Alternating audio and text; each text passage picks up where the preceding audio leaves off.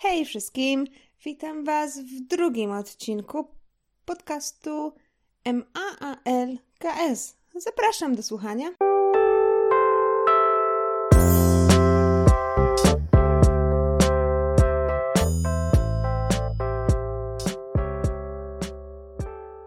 Hej, cześć, witam Was jeszcze raz. Z oknem dzisiaj u mnie fajny dzień, także stwierdziłam, że to jest dobry moment na nagranie. Jest sobota, 17 marca 2019. Mam nadzieję, że ten podcast ukaże się też właśnie w, sob- w niedzielę, w niedzielę 17 marca, ponieważ ha, może właściwie podzielę się z Wami tą informacją, bo właściwie dlaczego nie? Więc tak, odkąd nagrałam swój pierwszy podcast, minęło trochę czasu, ale to jest y, spowodowane, tym, że chyba źle się do tego zabrałam. Wiecie, no, nagrałam swój pierwszy podcast, zedytowałam go.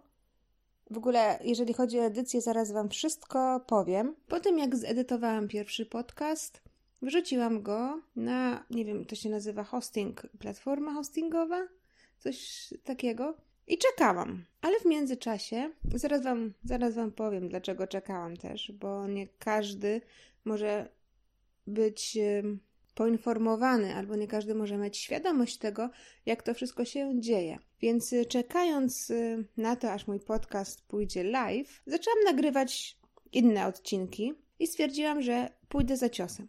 Nagrałam tych odcinków tyle, że potem mi się to wszystko pomieszało, ale to nie byłby największy problem, bo mogłabym oczywiście to jakoś skleić, ale miałam mało energii na tych podcastach, że stwierdziłam, że bez sensu nikt tego nie będzie słuchał. Trzeba zacząć jakoś inaczej. Więc dzisiaj wstałam rano, jest niedziela. Wstałam naprawdę rano, zrobiłam sobie herbatkę, siedzę sobie wygodnie, popijając herbatkę. No i staram się jakoś do Was mówić z taką wielką energią, żeby to wszystko nie było takie jednolite. I wiecie, to jest tyle pracy, bo jeżeli chcecie się podzielić z kimś czymś, no po prostu mówicie, nie, nie zwracacie uwagi na ton głosu, na modulację, na te wszystkie czynniki, które sprawiają, że fajnie się słucha kogoś, kogo się nie widzi. Ja, jak się spotykam ze swoimi znajomymi, to wiadomo, to jest rozmowa, to nie jest tylko monolog. Ja nie siedzę i nie mówię bez przerwy w kółko, a tutaj na podcaście to jest zupełnie inaczej. I stwierdziłam, że naprawdę nie można być takim jednostronnym, trzeba jakoś to wszystko pociągnąć tak, żeby się fajnie słuchało, żeby interesowało Was to, co mówię. Ja wam powiem Wam taką historię. Nagrałam ten pierwszy podcast i go zmontowałam. I stwierdziłam, że to się naprawdę fajnie robi. Zresztą chyba Wam powiedziałam mm, w pierwszym podcaście, że skrócę, streszczę Wam to, co się wydarzyło, jakie tam były problemy z montażem, bądź z czym się spotkałam, tak żebyście też wiedzieli, jak to się dzieje od kuchni.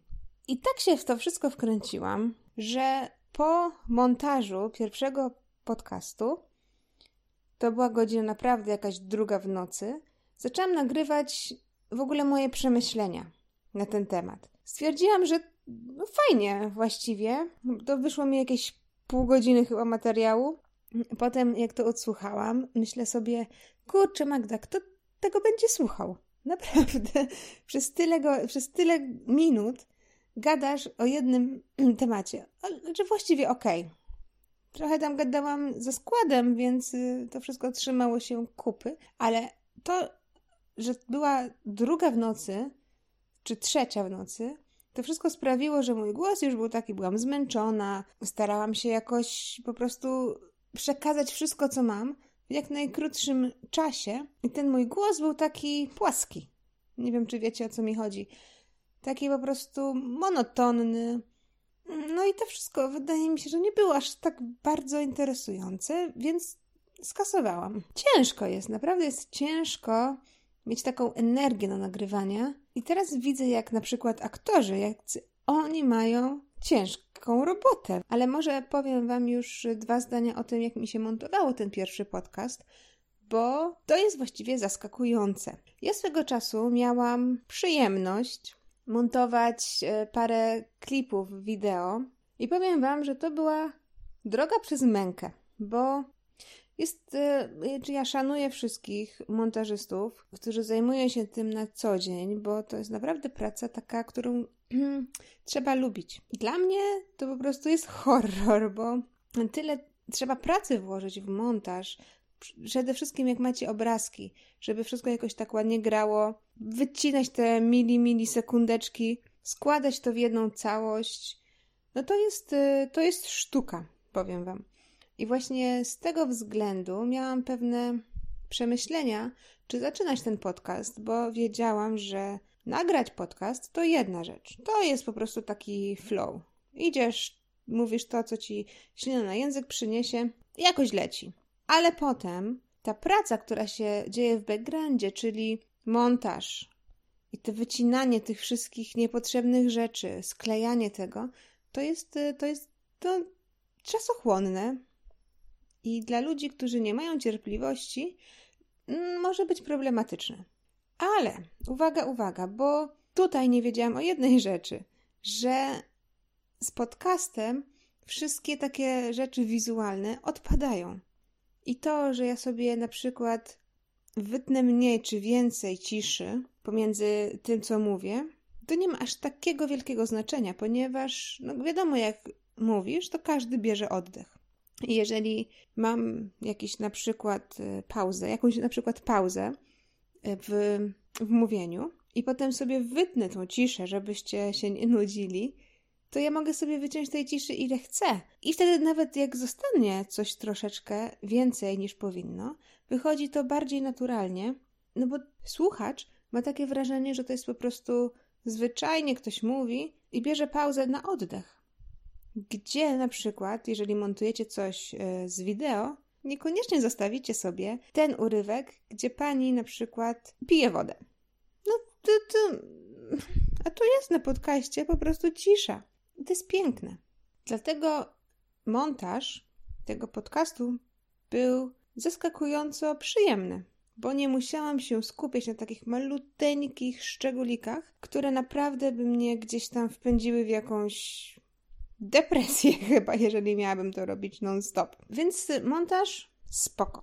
Druga rzecz, której nie wiedziałam na początku, no bo wiecie, ja sobie pomyślałam, a zacznę sobie podcast, a jakoś poleci, potem sobie coś tam wyszukam i jakoś to będzie. Ale po montażu okazało się, że oczywiście można sobie jakoś wyrzucać te swoje podcasty samodzielnie, ale z drugiej strony można też wyszukać sobie taką platformę hostingową, która będzie wrzucała za Was Twój podcast na platformy podcastowe. I ja sobie stwierdziłam, może to się zmieni w przyszłości, bo powiem, że Nadal czekam, żeby mój podcast na przykład pojawił się na Spotify. I nie wiem, kiedy to się stanie i mogę się w końcu zdenerwować i spróbować wrzucić to samodzielnie. Ale wracając, znalezienie takiej platformy to też jest y, właściwie nie lada wyzwanie, ponieważ no, musisz to wszystko dobrać do swoich oczekiwań. Y, niektóre platformy są droższe, niektóre są tańsze, niektóre są w ogóle też za darmo. I to wszystko wymaga czasu, żeby zgłębić tę wiedzę i żeby wybrać odpowiednią platformę hostingową dla Was. Ja wybrałam, zobaczymy, jak to się będzie toczyć. Będę Wam mówić na bieżąco, bo może ktoś z Was też będzie chciał kiedyś zacząć swój podcast. To już troszeczkę będzie może łatwiej z tą wiedzą. A może to jest wiedza ogólnodostępna, a ja o tym tylko nie wiedziałam. No, nie wiem, nie wiem. Jeżeli tak, no to słabo troszeczkę. No ale dobra, no to w wielkim skrócie jesteśmy już tutaj. Jest sobie drugi odcinek i co? No jakoś to wszystko się dalej będzie toczyć, myślę. Sprawnie. Dobrze. Chciałam się dzisiaj podzielić z Wami moim przemyśleniem na temat Big Brothera, bo mieszkając w Niemczech, no ja nie mam dostępu do polskiej telewizji na co dzień. Chociaż wiem, że się da. Naprawdę są tutaj ludzie, bardzo dużo ludzi, którzy mają dekodery chyba jakoś, czy coś jakiegoś tak. No i mają tą polską telewizję, można, mogą po prostu oglądać, bo nie wszyscy może wiedzą, ale na przykład TVN Player nie działa poza Polską. Czyli jak sobie wchodzę na y, stronę TVN Player i chcę coś obejrzeć, to się nie da. VOD się chyba da, no ale ja nie mam troszeczkę czasu na to, żeby oglądać te wszystkie y, seriale i reality shows, więc y, po prostu nie oglądam. Ale przykuło moją uwagę i czasami oczywiście jak widzę w internecie jakieś takie rzeczy mi się pojawiają, czy na YouTubie, czy gdzieś jak wchodzę na portale polskie z informacjami, no to wiadomo, są reklamy, są jakieś spoty, jakieś filmiki i jest Big Brother. I chyba dzisiaj ma premierę, z tego co widzę, o 20 na TVN7, czyli 17 marca. Tak się akurat złożyło. I widziałam na YouTubie filmik z Dzień Dobry TVN chyba, kiedy zaprosili tych, tych wszystkich ludzi nie wiem, czy to była pierwsza edycja, chyba tak, chyba pierwsza, taka najbardziej rozpoznawalna, czyli jak zaprosili tą, e, tego zwycięzcę i tą taką Manuelę, ona chyba ma na imię Manuela, taka to się bardzo śmieje dużo. Najbardziej rozpoznawalni ludzie, myślę. I oni mówili o tym Big Brotherze, że będzie jakiś e, nowy po wielu latach, reanimacja. Powiem wam tak. E, ja pamiętam za dzieciaka, że jakieś oglądałam dwa czy trzy odcinki tego pierwszego Big Brothera i to wszystko było takie normalne. Czyli po prostu grupa ludzi zamknięta w domu, no i wiadomo, jakieś tam się toczyły perypetie, jakieś były awantury, jakieś były fajne mm, sprawy, wzruszenia, kłamstwa, w ogóle jakieś afery. No i to wszystko jakoś e, się ciągnęło, ale to było takie, pomimo tej oczywiście całej aranżacji, że oni byli zamknięci w domu, bez y, dostępu do świata, bez y, wiadomości od rodziny, ale to wszystko było, no, czasy były inne. Ludzie nie byli, nie było chyba wtedy internetu jeszcze? Czy był? Może był, ale nie aż tak popularny. Nie było na pewno takiego kultu, że afera za aferą i czasy były wtedy inne. Zdecydowanie inne. Nie wiem, czy to się działo ile lat temu, bo Szczerze mówiąc, nie sprawdziłam, ale długo. Ja jeszcze wtedy byłam dzieciakiem.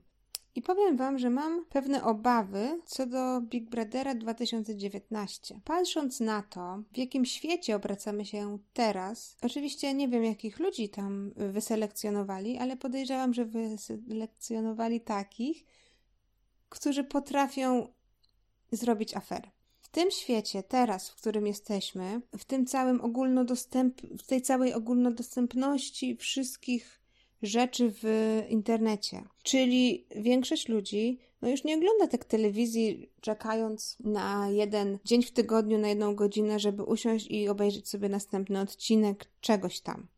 My teraz możemy sobie selekcjonować to, co chcemy oglądać i kiedy chcemy to oglądać. Nie czekamy na to, aż TVN nam powie, że w niedzielę o 20 puszczamy nowy odcinek i to jest ten czas. I potem masz może sobie jakąś jeszcze jedną powtórkę w tygodniu, ale to jest wszystko. Jeżeli nie jesteś w niedzielę o 20 przed telewizorem, to cię to ominie. Teraz tak nie ma.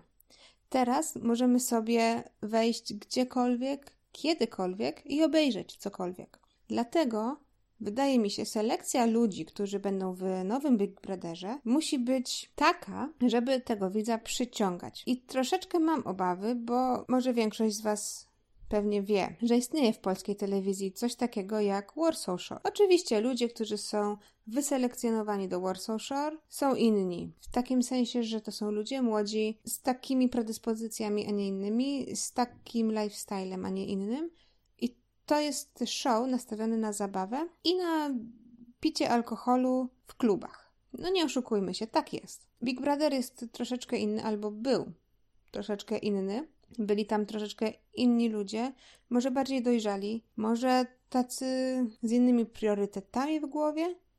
I też koncept Big Brothera był inny, bo tutaj chodziło o to, żeby się odizolować od świata i żeby być w jednym pomieszczeniu z ludźmi, których wcześniej się nie znało. I wiadomym jest to, że sparują różnych ludzi, czyli wezmą energetyczną młodą osobę zaraz e, po szkole i sparują taką osobę z takim statecznym człowiekiem, który już ma na przykład dorosłe dzieci i który jest gdzieś, który gdzieś żyje na wsi w domku. I ci ludzie na pozór nie mają nic ze sobą wspólnego, bo ich życie jest inne inne też mają priorytety, w innym momencie życia są. No i niekoniecznie, wiadomo, mogą się ze sobą zakumplować, mogą być konflikty, albo z drugiej strony mogą się tak złączyć, że wyjdzie z tego y, gdzieś tam dobra para, yy, przyjaźń na całe życie. Chcę tu powiedzieć tyle, że mam pewne obawy związane z tym Big Brotherem 2019, ponieważ w mojej głowie,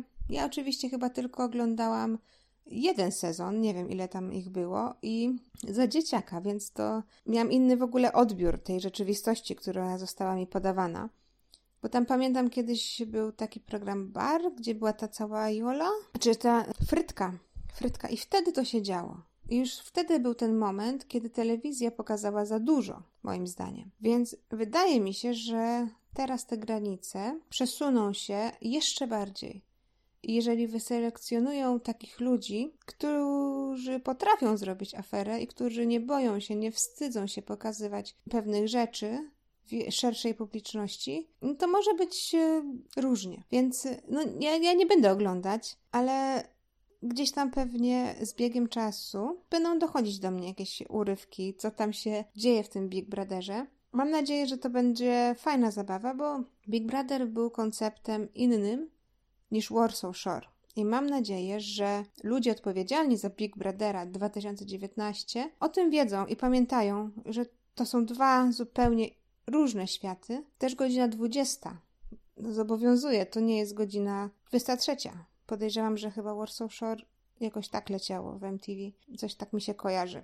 To tyle moich przemyśleń. Nie wiem, jak wy to oceniacie. Czy będziecie oglądać? Czy lubicie tego typu programy? Ja nie jestem tutaj żadnym ekspertem, bo też nie oglądam takich rzeczy zazwyczaj. Tak tego chciałam się z wami podzielić tym, tymi moimi obawami, że gdzieś tam ten Big Brother może pójść w złym kierunku.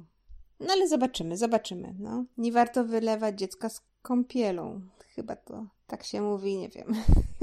Nie chciałabym, żeby ten podcast y, był przydługi, ale bardzo, bardzo chcę się z Wami podzielić jedną jeszcze informacją, którą wyczytałam w internecie i też może pokazać Wam, że paragony, które mamy, dostajemy milion paragonów dziennie i zazwyczaj ich nie bierzemy, no bo nikt nie chce niepotrzebnych y, kartek i tak już za dużych za grubych portfelach. Te portfele oczywiście są grube od kasy, tylko od tych wszystkich kart, które mamy, od tych papierków, paragonów, tego wszystkiego. No i ja też nie biorę paragonów zazwyczaj, bo mi są po prostu niepotrzebne. Ale uwaga, uwaga, przy takich dziennych zakupach, które robimy gdzieś w markecie osiedlowym, zobaczcie, jakie to jest ważne. Co się wydarzyło? Wydarzyła się zbrodnia, tak naprawdę oszustwo w Gdańsku ponieważ jedna pani, która pracowała w markecie na kasie, wydaje mi się, że chciała sobie dorobić po prostu. Wiadomo, pewnie jej pensja nie była aż tak duża, a chciała mieć większą, więc Przychodził klient, wyobraźcie sobie taką sytuację. Przychodził klient, kupuje sobie pan na przykład 2 kg jabłek, kilogram gruszek, pani kasuje, klient płaci, pani te pieniądze wkłada do kasy i drukuje się paragon. Klient paragonu nie bierze, bo po co mu następny papierek portfelu albo gdzieś walejący się po siatkach czy kieszeniach. Sprytna pani z Gdańska wykorzystuje taką sytuację, ponieważ po tym jak klient odejdzie, już wyjdzie ze sklepu, prowadza do kasy polecenie usunięcia transakcji. Skutkuje to tym, że oczywiście teoretycznie musi pieniądze, które pobrała od y, klienta, mu zwrócić. Ale klienta już dawno nie ma, bo już jest w drodze do domu, więc y, nie ma komu zwrócić pieniędzy za rzekomą anulowaną transakcję, więc pani sobie te pieniądze zachowuje. Taka zbrodnia. Oczywiście zbrodnia zbrodnią, nie jest to legalne, nie jest to dobre, nie robimy tak. Ale o co tutaj chodzi? To był pewnie jakiś market osiedlowy, ponieważ po pierwsze pani musiała mieć czas, żeby te transakcje anulować. Wydaje mi się, że w takim supermarkecie, gdy jest klient za klientem, kolejki są zazwyczaj długie, nie ma takiego czasu. Więc y, to był market osiedlowy, z tego co mniemam. Straty y, oszacowane zostały na 1600 złotych. Więc pani zabrała sobie do kieszeni 1600 zł, została złapana i uwaga, teraz za to przestępstwo grozi jej kara do 8 lat pozbawienia wolności. Dużo, nie? Za 1600 zł opłaca się? Pewnie nie pójdzie do więzienia, nie będzie siedzieć 8 lat, ale czytamy w komentarzach pod artykułem. Zabawne, a jednocześnie żenujące. 1600 zł i 8 lat więzienia, a za grube miliony zazwyczaj ludzie skazywani są na 3 lata. Już wiem, skąd powiedzenie, że jak kraść, to miliony. No, zgadza się, zgadza się. Ludzie mówią chory kraj, niesamowity sukces polskiej policji. Nagrodzić za pomysłowość. Ktoś napisał, że w Gdańsku to normalne. I tu jest taki jeden komentarz, nieważne ile się kradnie, ale ważne kto kradnie. A i tu wydaje mi się, że no jest komentarz w sedno. Nie wiem właściwie jak to skomentować. Wydaje mi się, że kara jest nierównomierna do popełnionej zbrodni. Nawet nie kara, ale możliwość pójścia do więzienia na 8 lat za 1600 zł. Lekka przesada, ale prawo nie jest dla wszystkich takie samo. No to tyle. Chciałam się z Wami podzielić tylko taką ciekawostką znalezioną w internecie. Dzięki za słuchanie i co? Do następnego razu. Buziaki, pa!